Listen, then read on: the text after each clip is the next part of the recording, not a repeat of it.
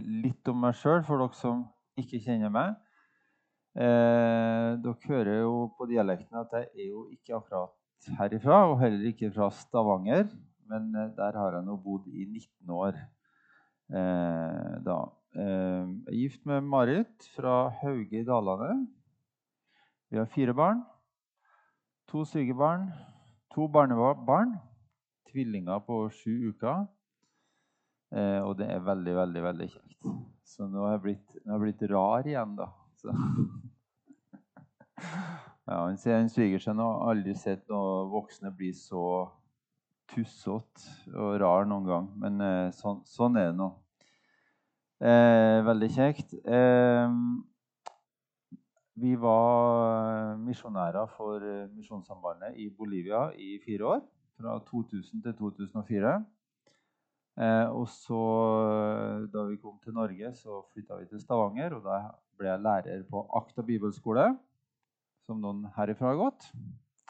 Blant annet to av dine. Og de siste årene så har jeg jobba på Høgskolen for ledelse og teologi. Det er i Oslo. Det hører til pinsevennene og baptistene. Eh, men vi har en samarbeidsavtale med Imkirken, så vi har et desentralisert tilbud i Stavanger. Da. Og Det er veldig kjekt å være med på. Det var også nevnt at jeg skriver en doktorgrad om temaet profeti. Uh, og det skal jeg snakke om på følgende måte. Profeti syns jeg fremdeles er veldig, veldig, veldig interessant og kjekt. Det er veldig kjedelig å skrive doktorgrad. Uh, og jeg tror det er enda verre å være gift med en som skriver doktorgrad. Så eh, det er en prøvelse på alle måter. Og eh, da er det ekstra kjekt å få komme seg litt ut og få tala litt. For det liker jeg jo veldig godt. da. Um, jeg kunne få si noen få ord om Høgskolen for ledelse og teologi. Og være nettside der, ja.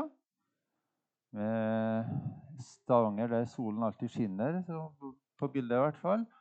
Og så eh, er det en liten YouTube-snutt der på en, eh, et minutt som forklarer ganske mye.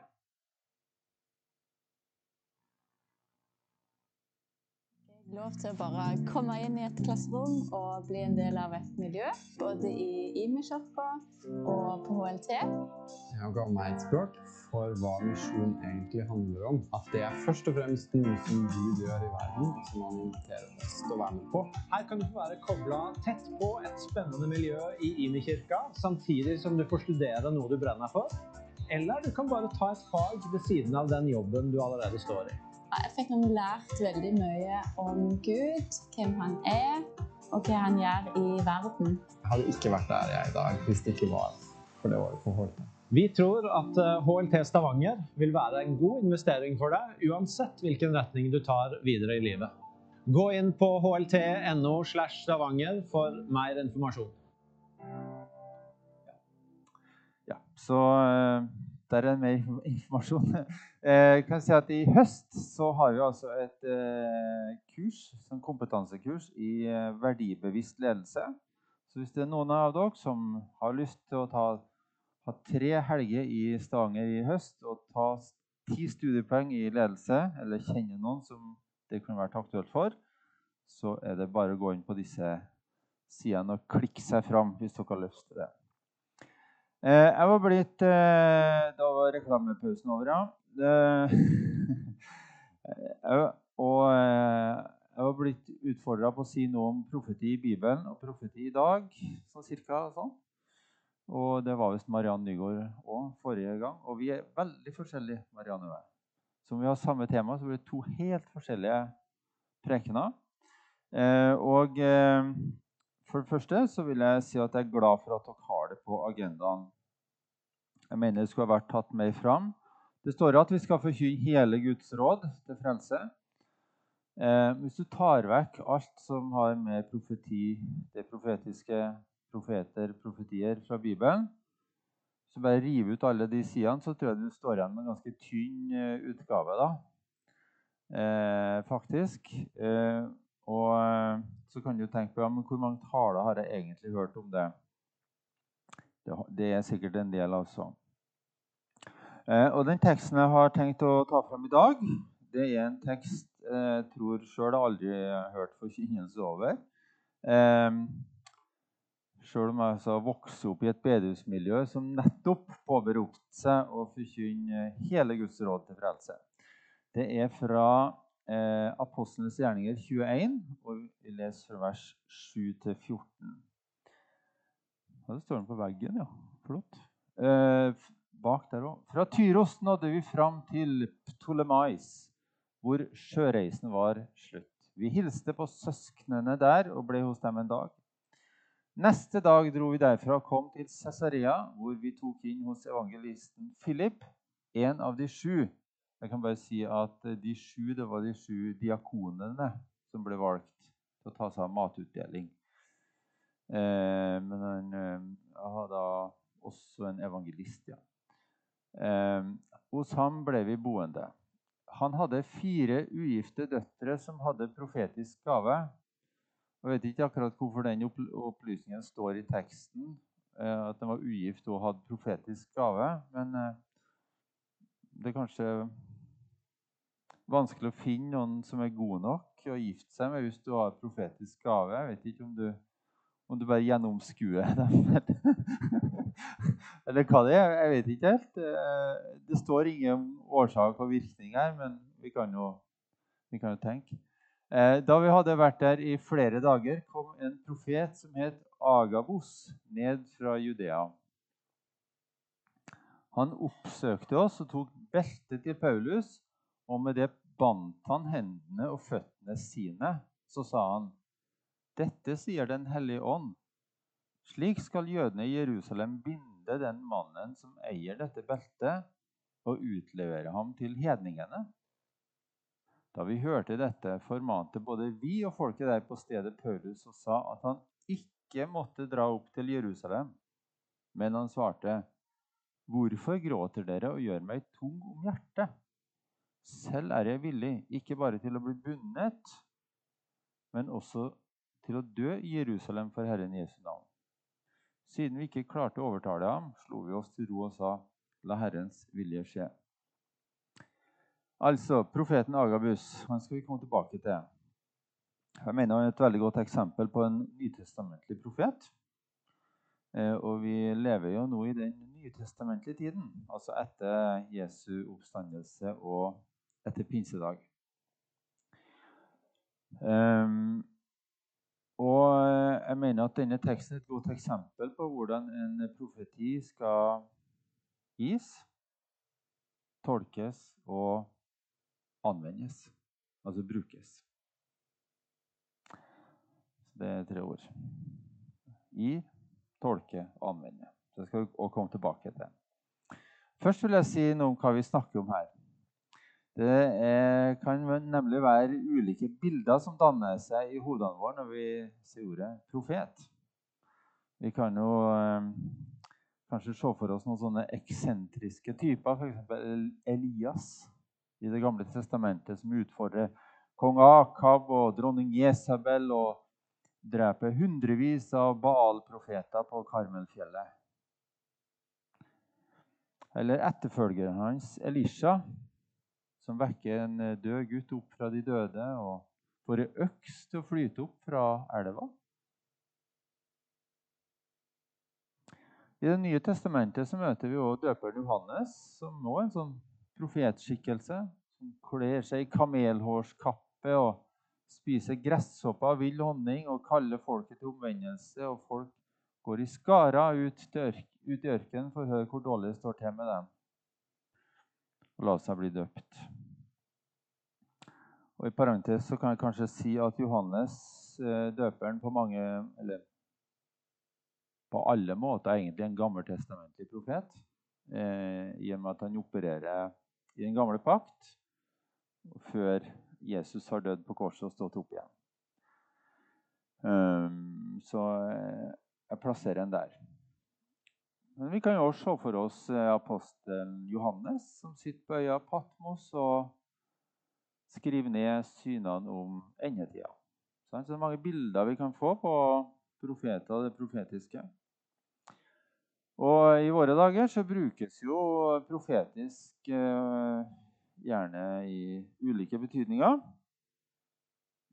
Jeg kan ta et moderne eksempel. Da jeg kom til Stavanger i 2004, så brukte det å stå en eh, mann i, langs veien med en stor plakat. Han sto kanskje i en rundkjøring, han sto på gangbrua over veien. sto med stor skrift 'Omvend deg, for Jesus kommer snart'. Nikker du? Du, var, du husker den, ja?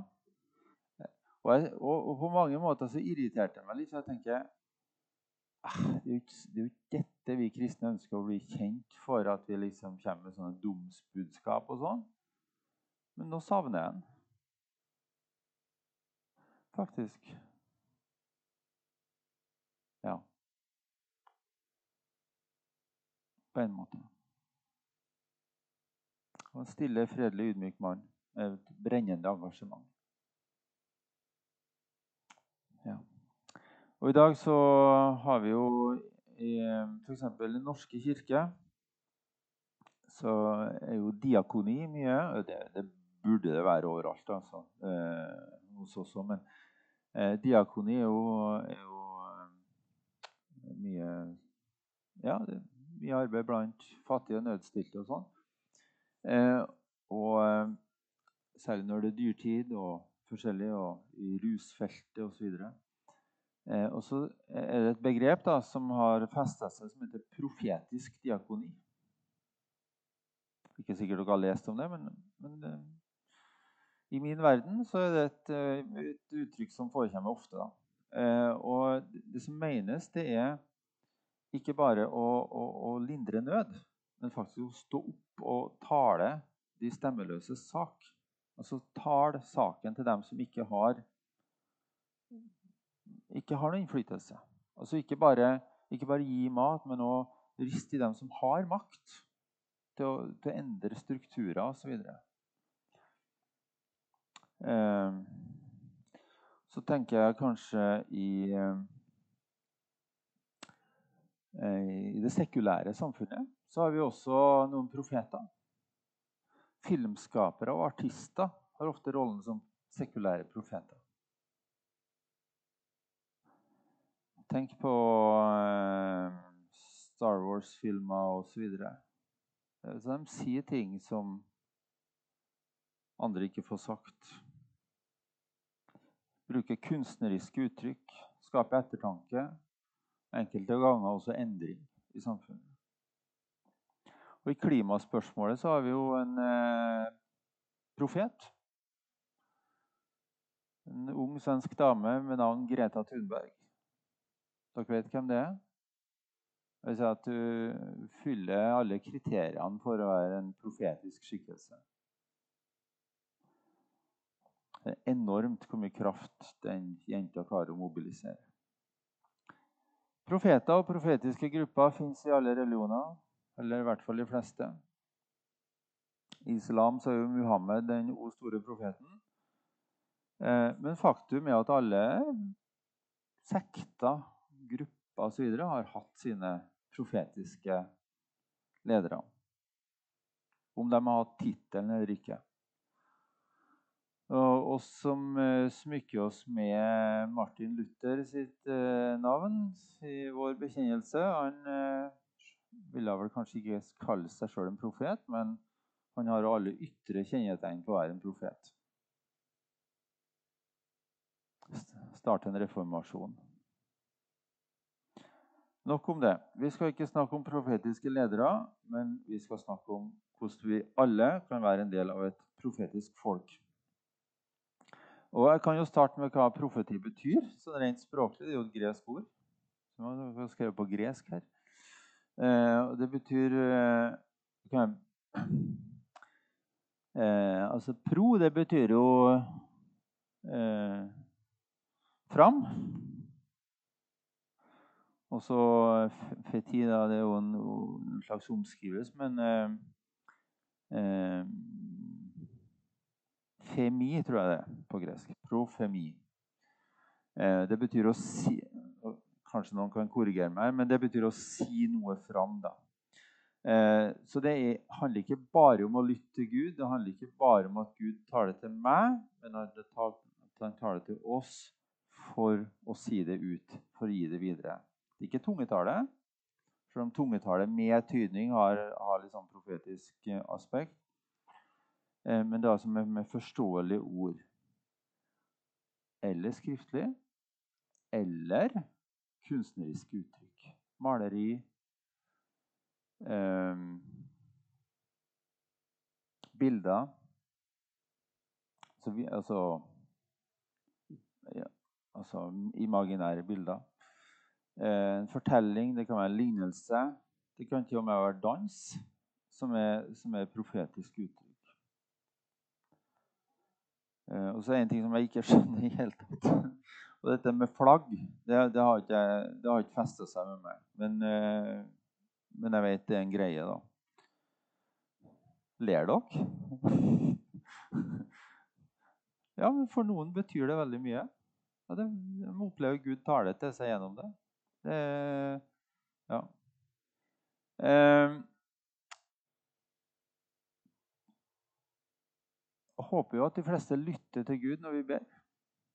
At vi ikke bare går og snakker til Gud, og så, så går vi før han har fått tale til oss. Jeg husker en gang jeg var på team til Filippinene med Akta bibelskole. Og Da eh, landa vi i Manila på flyet og skulle over på en buss. Og så hadde vi avtalt med ei som skulle komme og hjelpe oss. Eller menigheten hadde sendt ut ei som hjelper oss på rett buss. Og ting tar tid, og vi kommer i prat og spiser litt og sånn. Ja, hva gjør du? Nei, hun studerer til å bli eh, sykepleier. Å ja, så kjekt. Ja, egentlig hadde jeg lyst til å bli lærer, men mora mente hun skulle bli sykepleier, så da hadde hun studert det. Og så sa jeg en ting som jeg bare stussa veldig over. Jeg sa I didn't even pray about it. Altså, jeg ba ikke engang over det. Så er bare Nei vel. Akkurat som hun da var redd for at da hadde landa på en annen konklusjon. Altså, Vi lar vel Gud tale til oss når vi skal velge utdanning eller jobb eller bosted eller det å få barn. Og for min del så må jeg av og til lytte til Gud hvor mye skal jeg blande meg opp i mine voksne barns valg den er litt hard. Er, da er det litt vanskelig å holde igjen. Men eh, det er òg Av og til så må vi bare be, faktisk. Det er ikke alltid vi kan Det er ikke alltid jeg har talerett eller stemmerett i den forsamlingen. Så jeg må bare Bare be og spørre om råd visdom og ledelse. Det å profetere, altså å si noe fram som vi tror eller mener vi har fått direkte fra Gud, det må altså gjøres med visdom og kjærlighet. Vi ser stykkevis, og vi forstår stykkevis. Og Paulus sier om vi ikke har kjærlighet, da er vi som en lydende malm eller klingende bjelle. Eh, og Det står i 1. Korinter 13, som er da kjærlighetens høysang.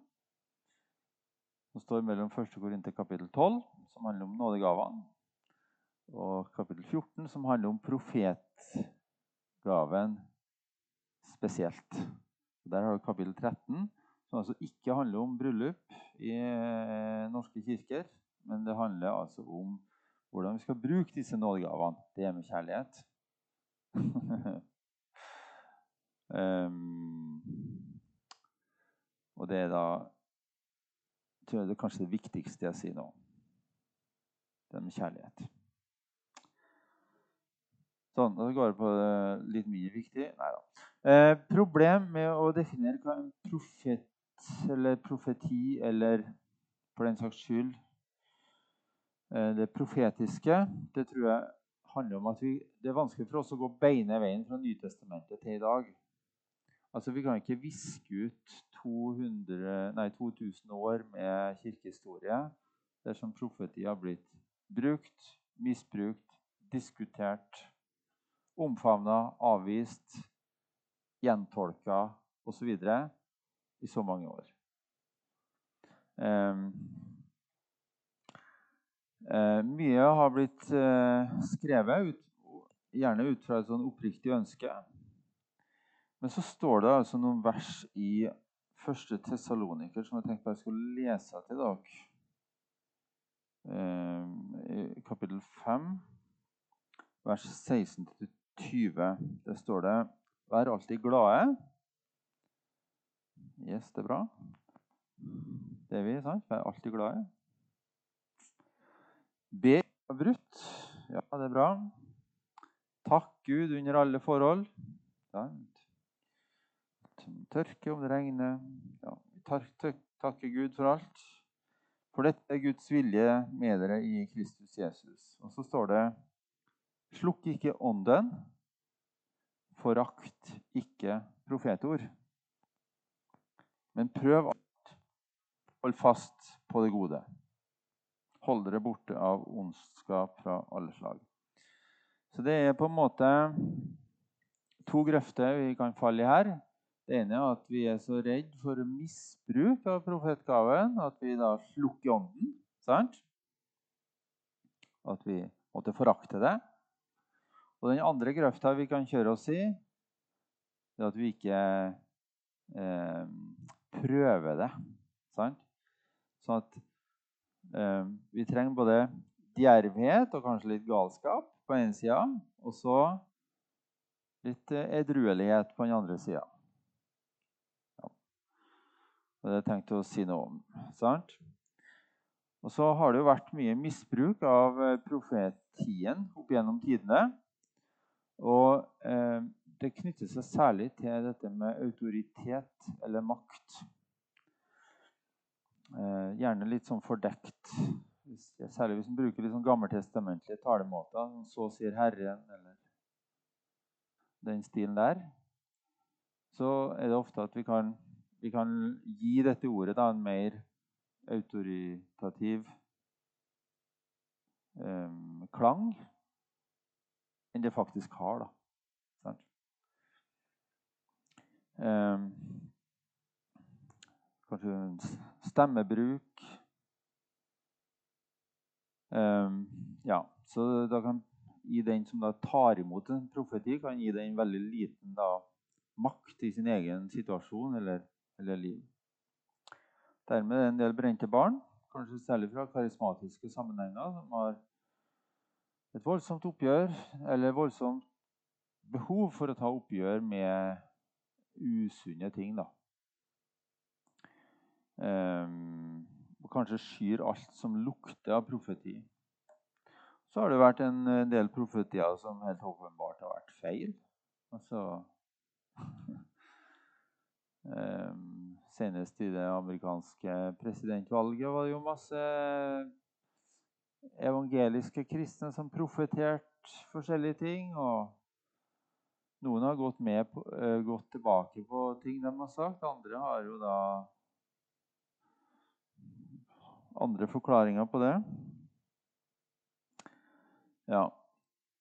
Den tredje type argument mot å tillate profeti i menighetene kommer fra en bestemt teologisk overbevisning. Som, jeg vet ikke om dere vet, har hørt ordet, men det er noe som heter sesasjonisme. Altså I USA er det veldig stort. Altså Southern Baptist Convention, som er det største måte, baptistiske kirkesamfunnet i USA.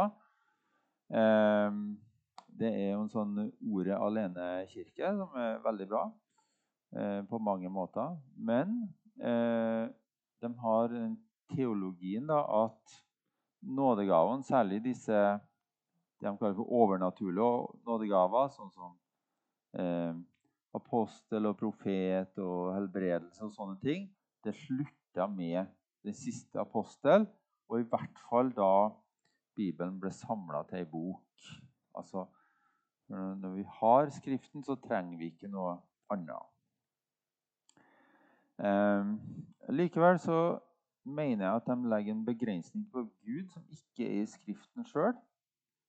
Det står ikke, står ikke, noe sted at disse gavene skal slutte å fungere i menighetene. Det står at når det perfekte kommer, da skal åndsgaven opphøre. Men det er, tenker jeg kanskje er himmelriket, da. Altså nye jord. Det, det er perfekt. Eh, inntil da så trenger vi nådegavene. Alle slags nådegaver.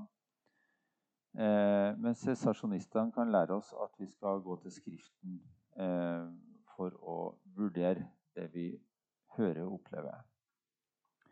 Eh, og når vi eh, snakker om profeti i menighetssammenheng, så vil jeg skille mellom eh, det vi, kan, det, vi kan, kalle for en profetisk tjeneste, en profetisk nådegave og et, så er det et ord jeg har laga sjøl, som jeg ikke har lest noen plass, men jeg kaller for hverdagsprofeti. Um, jeg skal se litt mer om det. Hvis vi ser på det første, så er det å ha en profetisk tjeneste det er nærmest som et kall. Det er nærmest identiteten. Det er den du er. Um, og Det er kanskje det som ligger tettest opp mot de bibelske profetskikkelsene som vi leser om. Og Det handler om både et indre og ytre kall. Eh, det kan handle om en sånn indre drivkraft. Og, og på vei ned hit nå på, i bilen så hørte jeg på en sånn podkast om Tore Renberg, som en, eh, har kommet med en ny bok. Og så, og så hun som intervjua han i podkasten, hun ja, Hvordan er det forfatter? Hvor får du inspirasjon til det du skal skrive om, osv.? Jeg har aldri sett seg ned og venta på inspirasjon. Det bare, det, bare, det bare, kommer til en. Det bare, det bare trykker på. Altså, han, har noe, han, han, har noe han må ut. Altså, mange bokprosjekt samtidig. Og han, sant? Og jeg tenker Det er litt sånn, sånn det er litt, kanskje litt sånn sekulær eh, profet da, som, som, har noe Det bare må ut. Og, tenker, og i kristen sammenheng altså, eh, Det er bare noe som trykker på. Altså, det er et drive der. Um,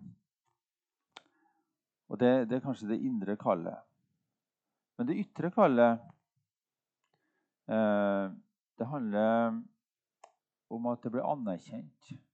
Altså at, at menigheten anerkjenner eh, Jeg vet ikke om det nødvendigvis handler om lederskap. for Jeg er ikke sikker på at folk med en profetisk utrustning nødvendigvis er gode ledere. Eh, bestandig det, det tror jeg bare er noe, jeg tror bare det, det er noe helt annet. Eh, men jeg tror at, at, for at noen skal ha det som en tjeneste, så må man ha folk rundt seg som eh, både støtter, korrigerer, men også, men også anerkjenner. Eh, den må få plass, men også begrensning. Eh, jeg har eh, snakka med pastorer som har vært nødt til å stenge ned den profetiske tjenesten i, i sin menighet. For at det danna seg et eget miljø der de tok inn alt mulig og på en måte levde et sånn eget liv. Og Eh, det ble etter hvert en gruppe som ikke tok tilbakemelding da, eller korrigering fra fellesskapet. De visste, de best, for de var så utrusta eh, i det profetiske. Og det kan nok være, kan nok være en, en, fare hos enkelte. Eh, og jeg tror at, eh, at hvis du er, har en profetisk tjeneste, så har du en tendens til å søke det eksentriske og det ekstreme. Og eh, ofte så er det brillene du ser verden med, de, de er i svart-hvitt. Altså veldig skarpe. altså Veldig sånn til å avsløre eh, hva som er demonisk, hva som er skadelig, og sånn. Og eh, motsatt. Så noen av disse har jo fri spalteplass i den kristne dagspressen og i debattforum og diverse. Altså, eh, og jeg tror at noen av disse stemmene eh, i et fellesskap kunne ha blitt veldig konstruktive. Eh, hvis de eh, hadde fungert i et fellesskap. Da. Eh, så vil jeg si at det å ha en profetisk tjeneste iblant seg det er utrolig berikende. Ja, Vi skal ikke være for raske til å anerkjenne det. Eller som, som Paulus sier, vi skal ikke være for raske til å legge hendene på noen og anerkjenne dem i tjenesten.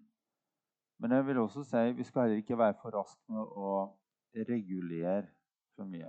Altså, Paulus skriver jo til menigheten at de må, i Korint at de må tåle litt galskap av en.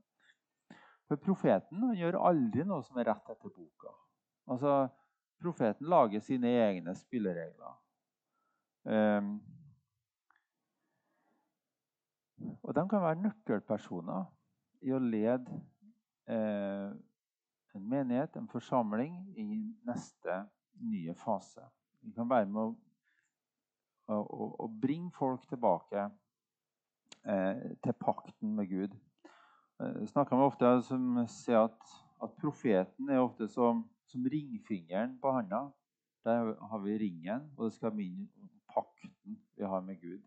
Det var jo funksjonen i Det gamle testamentet med profetene der. Det var, det var, ikke så mye endetid og, og sånt. Eh, jo, litt sant, med Sekiel og, og, diverse, og Daniel. Men eh, veldig mange opererte i dette at de kalte folket tilbake til troskap mot den pakten de har inngått med Gud. Eh, og vi trenger eh, folk som også ser verden i svart-hvitt, og som kan skille eh, klinten fra hveten. Så vil jeg si bare helt kort om nådegaven. Nådegaven den, har den egenskapen at den ikke gis som medalje for lang og tro tjeneste, men nettopp som en gave. Det er ingenting vi kan være stolt av. Den gis av Den hellige ånd hvor og når Gud vil. Og Det nye testamentet oppfordrer oss til å søke de beste nådegavene. Og plassen for nådegavebruk er i forsamlingen. Der er vi lemma på legemet og utfyller hverandre med ulike stemmer og ulike tjenester.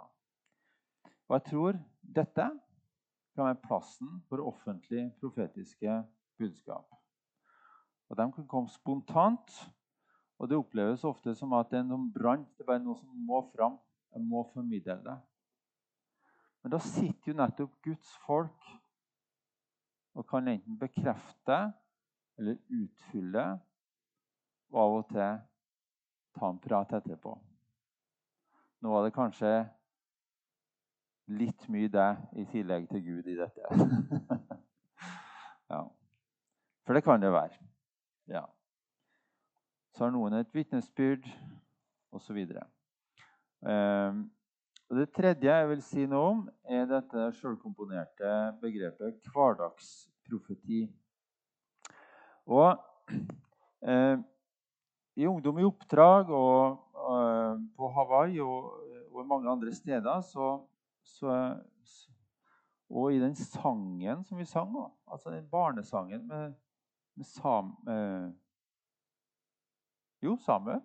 Ja, Samuel i tempelet. Det, ja, det er Gud som taler.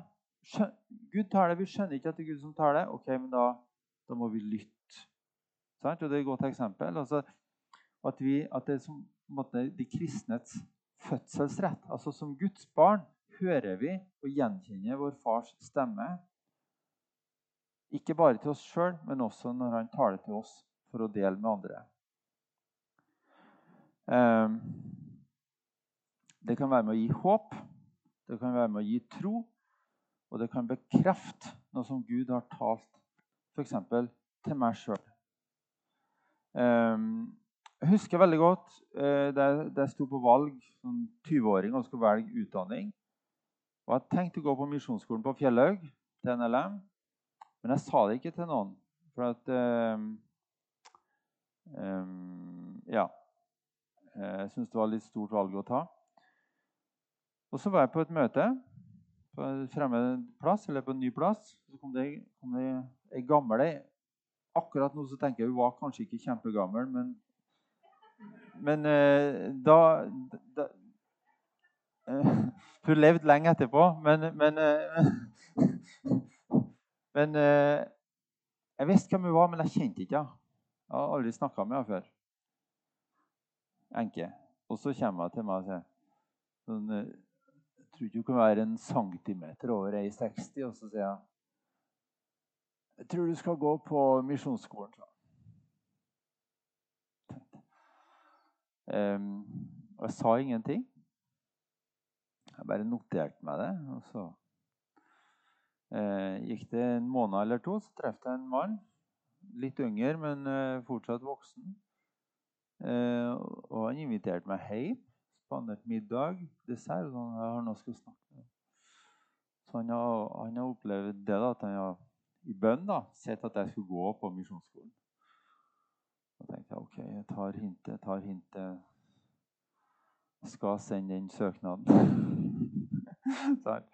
eh, men, men det, var ikke, det, var ikke, noe fremmed for meg. Det var noe jeg hadde tenkt på egentlig tenkt på i flere år at jeg skulle gjøre. Jeg har bare ikke fått sendt den søknaden. Så, og, og, og, det når jeg, og når jeg fikk skoleplass, så hjalp det meg å si ja til nettopp det. Eh, så, så jeg legger ikke skylda på dem at jeg, at jeg valgte det jeg valgte, for det var mitt valg. Sant? Men jeg tar det med. Eh, så jeg tror oppriktig av hele mitt hjerte at alle kristne kan høre fra Gud og gi det videre til andre. Hvor ofte, hvor mye, hvor sterkt, hvor konkret, hvor fargerikt altså, Det varierer veldig, sant?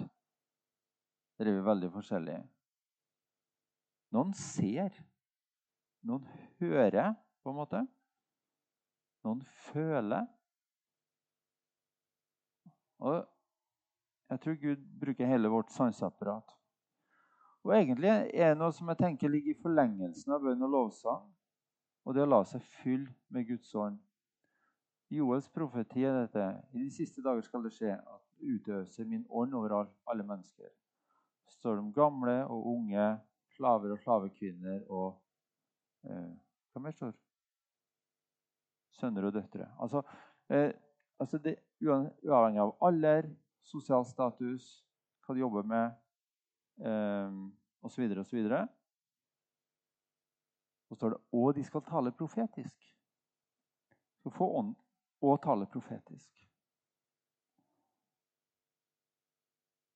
Ja. I lignelsen om den gode hyrde, eller i den sammenheng, så sier Jesus at 'mine får høre min røst'. Og Vi kan lære oss å gjenkjenne Guds stemme fra vår egen fra verden sin og fra Satan. Av og til trenger vi hjelp.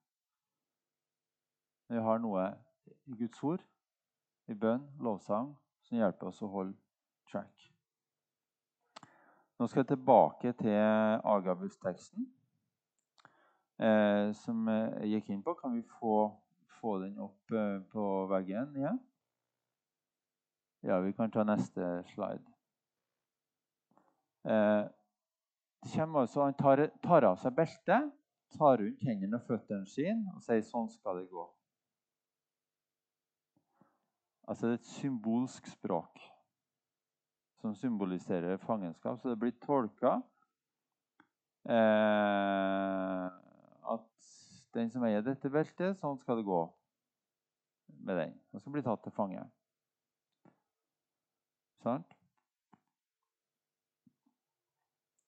Så det var budskapet, det var tolkningen. Og begge deler hadde Den hellige ånd gitt. Men så er det anvendelsen. da.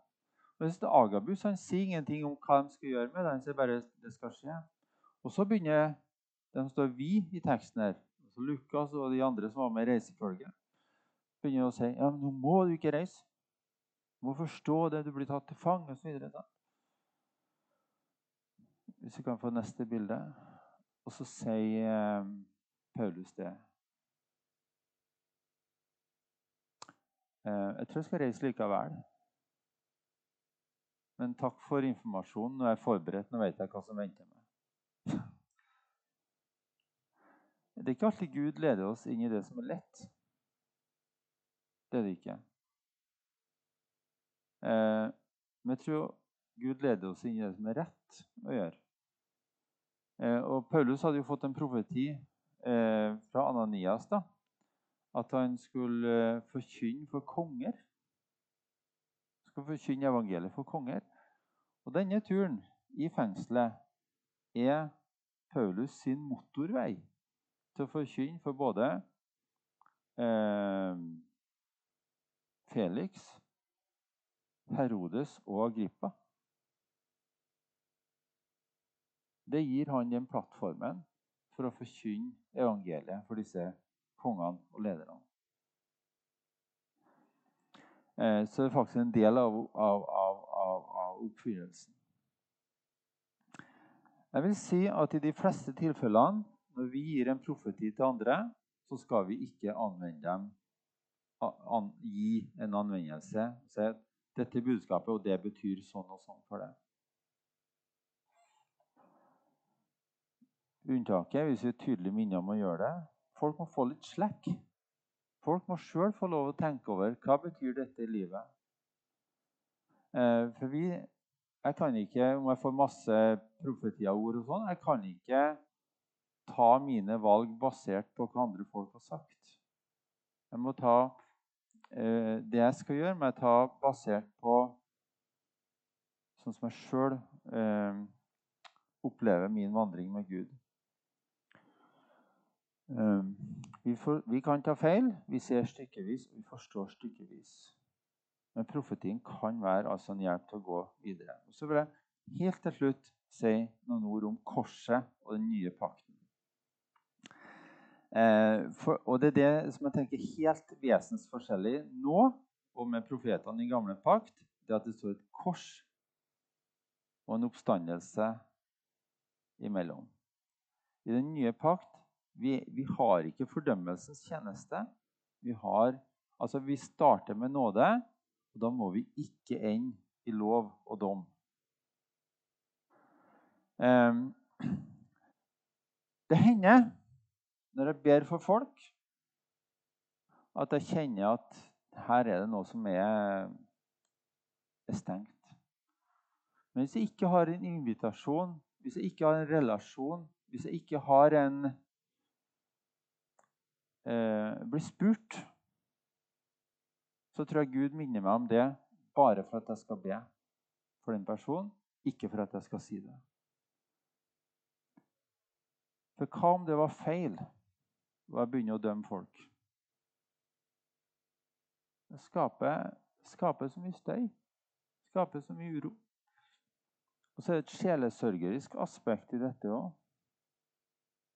Det pastorale må klinge med. Vi bruker ikke 'så sier Herren'. Vi bruker vanlig språk. Og vi, og vi lar folk få sjøl få lov til å bedømme det vi kommer med.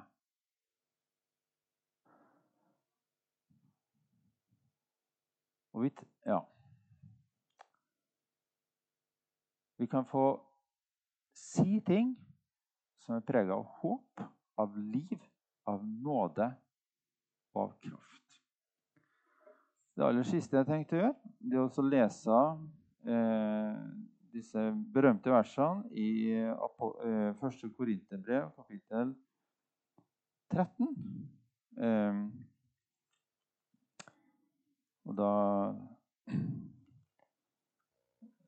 står det om jeg taler med menneskers og englers tunger, men ikke har kjærlighet da er jeg bare en drønnende malm eller klingende bjelle. Om jeg har profetisk gave og kjenner alle hemmeligheter og eier all kunnskap, om jeg har all tro så jeg kan flytte fjell, men ikke har kjærlighet, da er jeg intet. Om jeg gir alt jeg eier, til brød til de fattige, ja, om jeg gir meg selv til å brennes, men ikke har kjærlighet, da har jeg ingenting vunnet. Kjærligheten er tålmodig, kjærligheten er velvillig, den misunner ikke, skryter ikke, er ikke hovmodig. Kjærligheten krenker ikke, søker ikke sitt eget, er ikke oppfarende og gjemmer ikke på det onde. Den gleder seg ikke over urett, men har sin glede i sannheten. Kjærligheten utholder alt, tror alt, håper alt, tåler alt. La oss be. Jesus, jeg takker deg for at eh, eh du tar det til oss. Du hjelper oss å gjenkjenne din stemme blant alle andre som kjemper om vår oppmerksomhet. For at du tar oss alle tettere opp mot ditt bryst, så vi kan kjenne ditt hjerteslag, og at vi kan være med å formidle håp, trøst, glede eh, og alt det som du ønsker å gi oss. La oss være et folk som er kjennetegnet av ydmykhet og djervhet og edruelighet. Takker for eh, menigheten her, Jesus, og ber at du velsigner alle sammen, spesielt eh, barna, i ditt navn, Jesus. Amen.